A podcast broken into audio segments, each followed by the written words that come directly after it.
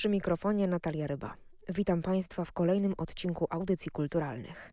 W dzisiejszym podcaście wyjeżdżamy na wczasy, a konkretniej do ośrodków wypoczynkowych z lat 60. i 70. XX wieku. Wszystko to dzięki wystawie Ostatni Turnus, na której zobaczymy fotografie przedstawiające właśnie architekturę ośrodków wypoczynkowych z czasów PRL-u. Gościem audycji jest Marcin Wojdak, fotograf, autor instagramowego profilu o architekturze powojennego modernizmu Kosmoderna.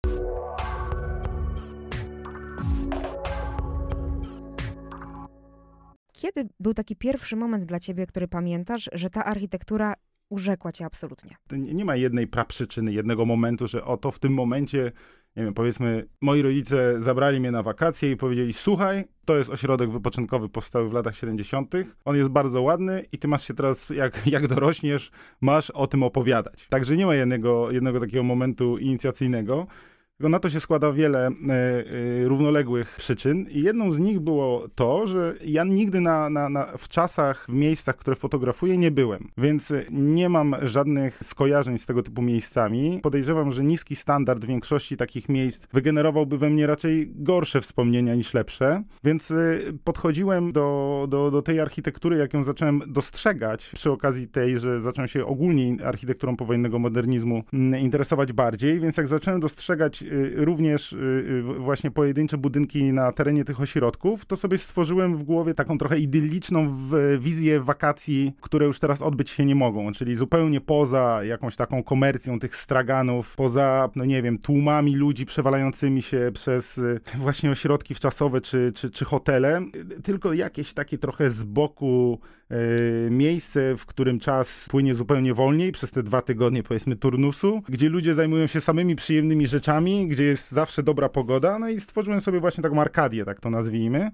I teraz jeżdżąc po, y, po tych miejscach, teraz y, mm, no staram się za pośrednictwem zdjęć oddać właśnie klimat, y, który ja sobie w głowie stworzyłem. Ale jednak musiał być taki moment, że akurat z, z tej dziedziny architektury zainteresowały cię właśnie ośrodki wypoczynkowe. No bo jestem bardzo pragmatyczny w tym wydaniu i jak sobie pomyślałem, że miałbym jeździć po starych, powiedzmy, bibliotekach albo starych przychodniach lekarskich albo fabrykach, to byłoby to dużo mniej atrakcyjne niż wtedy, kiedy jeżdżę po jeziorach, e, lasach, wybrzeżu. Klimat tych ośrodków, ich architektura, e, cała taka aura właśnie jeszcze PRL-u, ona bardzo szybko ucieka. To jest zresztą taka architektura bardzo mało trwała, bo większość tych domków to powiedzmy właśnie są jakieś takich mizernych materiałów jak drewno, czy jakiś taki bardzo prowizoryczny beton, więc one bardzo szybko się degenerują. Ten nieuchronność odejścia tego klimatu, tej architektury jest też bardzo pociągająca i dopingująca, że ja wiem, że powiedzmy jakiś duży stadion, hala sportowa, ona, ona wytrwa dłużej niż właśnie jakaś tam stołówka nad mocno prowincjonalnym jeziorem. Jak ty w ogóle szukasz tych miejsc? Masz jakiś klucz swój, który sobie obrałeś? Tutaj nie ma jakiejś mega filozofii. To nie, nie muszę się przekopywać przez y, archiwum y, państwowe, ani miejskie, ani wojewódzkie. Y, raz najprostszą metodą jest po prostu spacerowanie palcem po mapie, w tym e, momencie akurat po mapie wirtualnej w postaci Google Maps i e, znajduję jezioro, po jezierze, wybrzeże, czy właśnie góry, te miejsca bardziej kojarzące się z turystyką. No i później sobie zbliżam odpowiednio tą mapę i, i, i szukam właśnie powtarzalnych kształtów, które sugerują, że to jest właśnie jakiś ośrodek. To jest jedna rzecz. Druga rzecz jest taka, że kiedyś pokupowałem sobie całą masę przewodników z czasów PRL, właśnie po województwach, po pojezierzach, po regionach kraju. Te przewodniki kosztują tyle co nic, prawda, są tańsze niż makulatura, jest ich cała masa na, na portalach aukcyjnych. No i też właśnie to mi, mi służyło jako taki skorowic. To nie jest y, coś, co wymaga bardzo dużego przygotowania merytorycznego, żeby w to wejść i zacząć się tym y, ekscytować i, i, i w tym się udzielać. Zauważyłeś taką tendencję, że te budynki są albo opuszczone, albo zmieniły swój pierwotny zamysł. Czy tak nie jest? Były dwa etapy w historii nowożytnej Polski, kiedy ten, to dzieło zniszczenia przyspieszyło. I pierwszym to było wejście Polski do Unii Europejskiej i start e, pozyskiwania funduszy europejskich. I myślę, że wtedy dużo budynków, raczej dużo, no właśnie powiedzmy nawet takich ośrodków wypoczynkowych, jakichś hoteli, pensjonatów i moteli dostało dofinansowania na remonty. To jest oczywiście jakiś znikomy procent, no ale zawsze jest on na tyle zauważalny, że można to jakby w historii odkreślić. To y, wiązało się właśnie z y, rozpoczęciem y, remontów, a najczęściej w ogóle po prostu wyburzania, no bo trudno jest wyremontować jakiś domek letniskowy albo, albo wielką stołówkę, która już przestaje mieć znaczenie we współczesnej turystyce. Także najczęściej one po prostu były burzone i w to miejsce powstawały nowe obiekty. A drugim elementem to jest właśnie, no powiedzmy, ostatnia 3-4 latka, kiedy wzrosła ilość osób, które stać na wakacje po prostu. I na powrót, tak jak w czasach PRL, bardzo dużo ludzi wyjeżdżało, bo miało te wakacje e, fundowane albo refundowane częściowo przez zakłady pracy tak później powiedzmy y, w tych latach 2000 i wczesnych y, i późnych 90. no była jakaś taka większa zapaść i nie każdy mógł sobie pozwolić na, na, na urlop, tak od pewnego czasu no, też się spopularyzowały wyjazdy krótkoterminowe. No i w związku z tym ta baza turystyczna w Polsce zaczęła mocno się modernizować i to też jest taki element zagłady. Ja myślę, że właśnie w tym momencie to, to doświadczamy samego końca takich miejsc, które zachowały y, swój pierwotny wygląd i ja też na swój sposób się temu nie dziwię, bo jakby trudno wymagać, żeby właściciel ośrodka, który powiedzmy jest usytuowany w atrakcyjnym miejscu, konserwował go w takim kształcie, w jakim on jest. Czyli w jakimś sensie to jest jakaś misja, rodzaj misji, bo jednak dokumentujesz rodzaj takich budynków, i bo wiesz, za 10-20 lat może ich już zupełnie nie być. No nie będzie ich już pewnie za 5 albo 6, będą już jakieś super e, pojedyncze przykłady. Taka e, epoka przejścia jest zawsze interesująca, no bo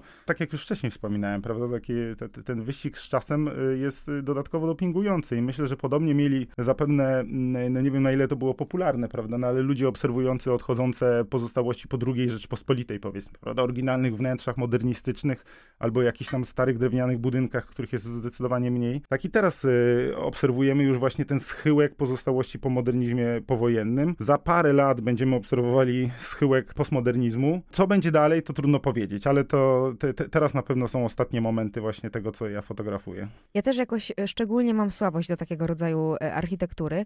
Nie chodzi mi o takie architektoniczne cechy tych budynków, tylko co ty w nich dostrzegasz, bo pytam o to dlatego, że e, w Szczawa, to jest taka mała miejscowość w Małopolsce, mhm.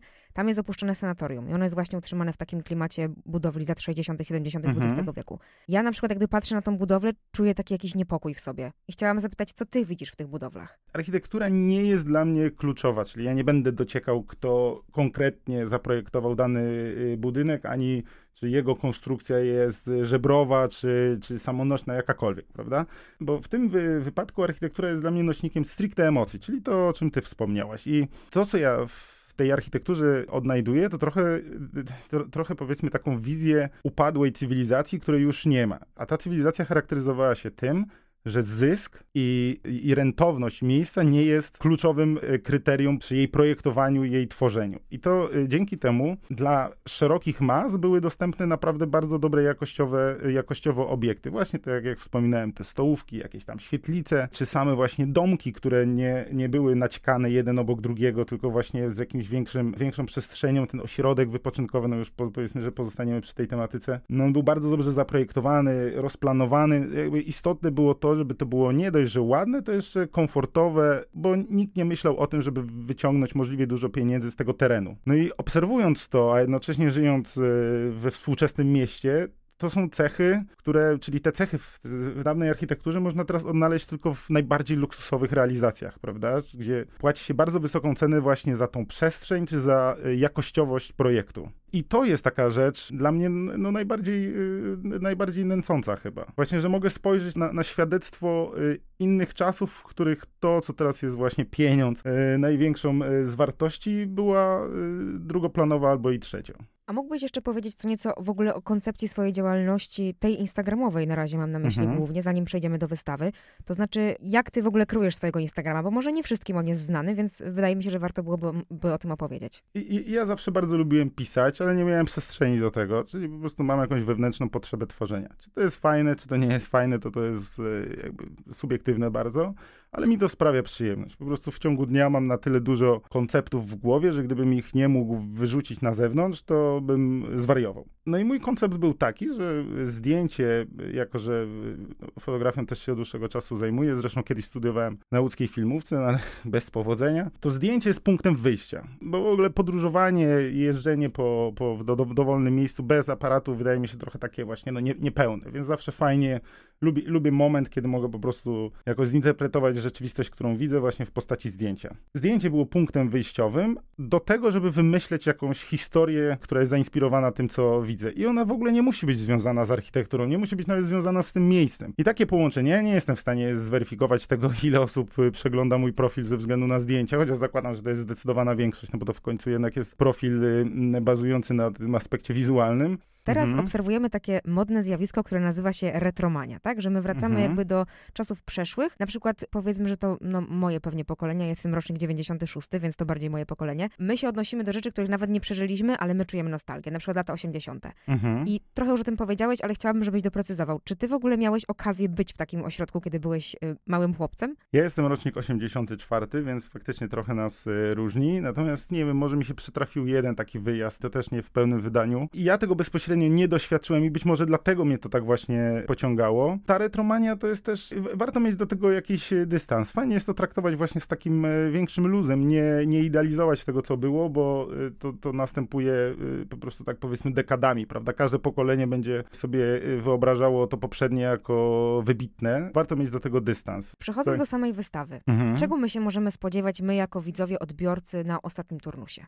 No, najprzyjemniej by było, gdybyście oglądając tą wystawę poczuli się właśnie tak, jakbyście chwilę temu wrócili z wczasów, albo właśnie za chwilę mieli na nie pojechać. A najlepiej by było, gdyby y, będąc na tej wystawie, y, y, gdybyście po prostu się czuli jak na w czasach. Instytut Designu w Kielcach zwrócił się do mnie chyba w ubiegłym roku, jeśli dobrze pamiętam, z propozycją stworzenia takiej wystawy. To jest zresztą bardzo miłe z ich strony i im bardzo za to dziękuję, bo to, to będzie mój debiut jako człowieka wiszącego w galerii. I cóż, i wyselekcjonowaliśmy wspólnie powiedzmy 15 opowieści, one są punktem wyjścia. Tym opowieściom towarzyszą e, zdjęcia, także zdjęcia będą stricte związane właśnie z, z tematyką ostatniego turnusu, czyli właśnie tego zmierzchowego czasu ośrodków powstałych w czasach PRL. No i powiedzmy, że, że, że mają oddawać klimat właśnie tego, czego za chwilę już nie będzie. Przy okazji, będąc w Kielcach, warto zatrzymać się i podejść do dworca e, PKS, który ma kapitalny kosmiczny kształt. To znajduje się w centrum, taki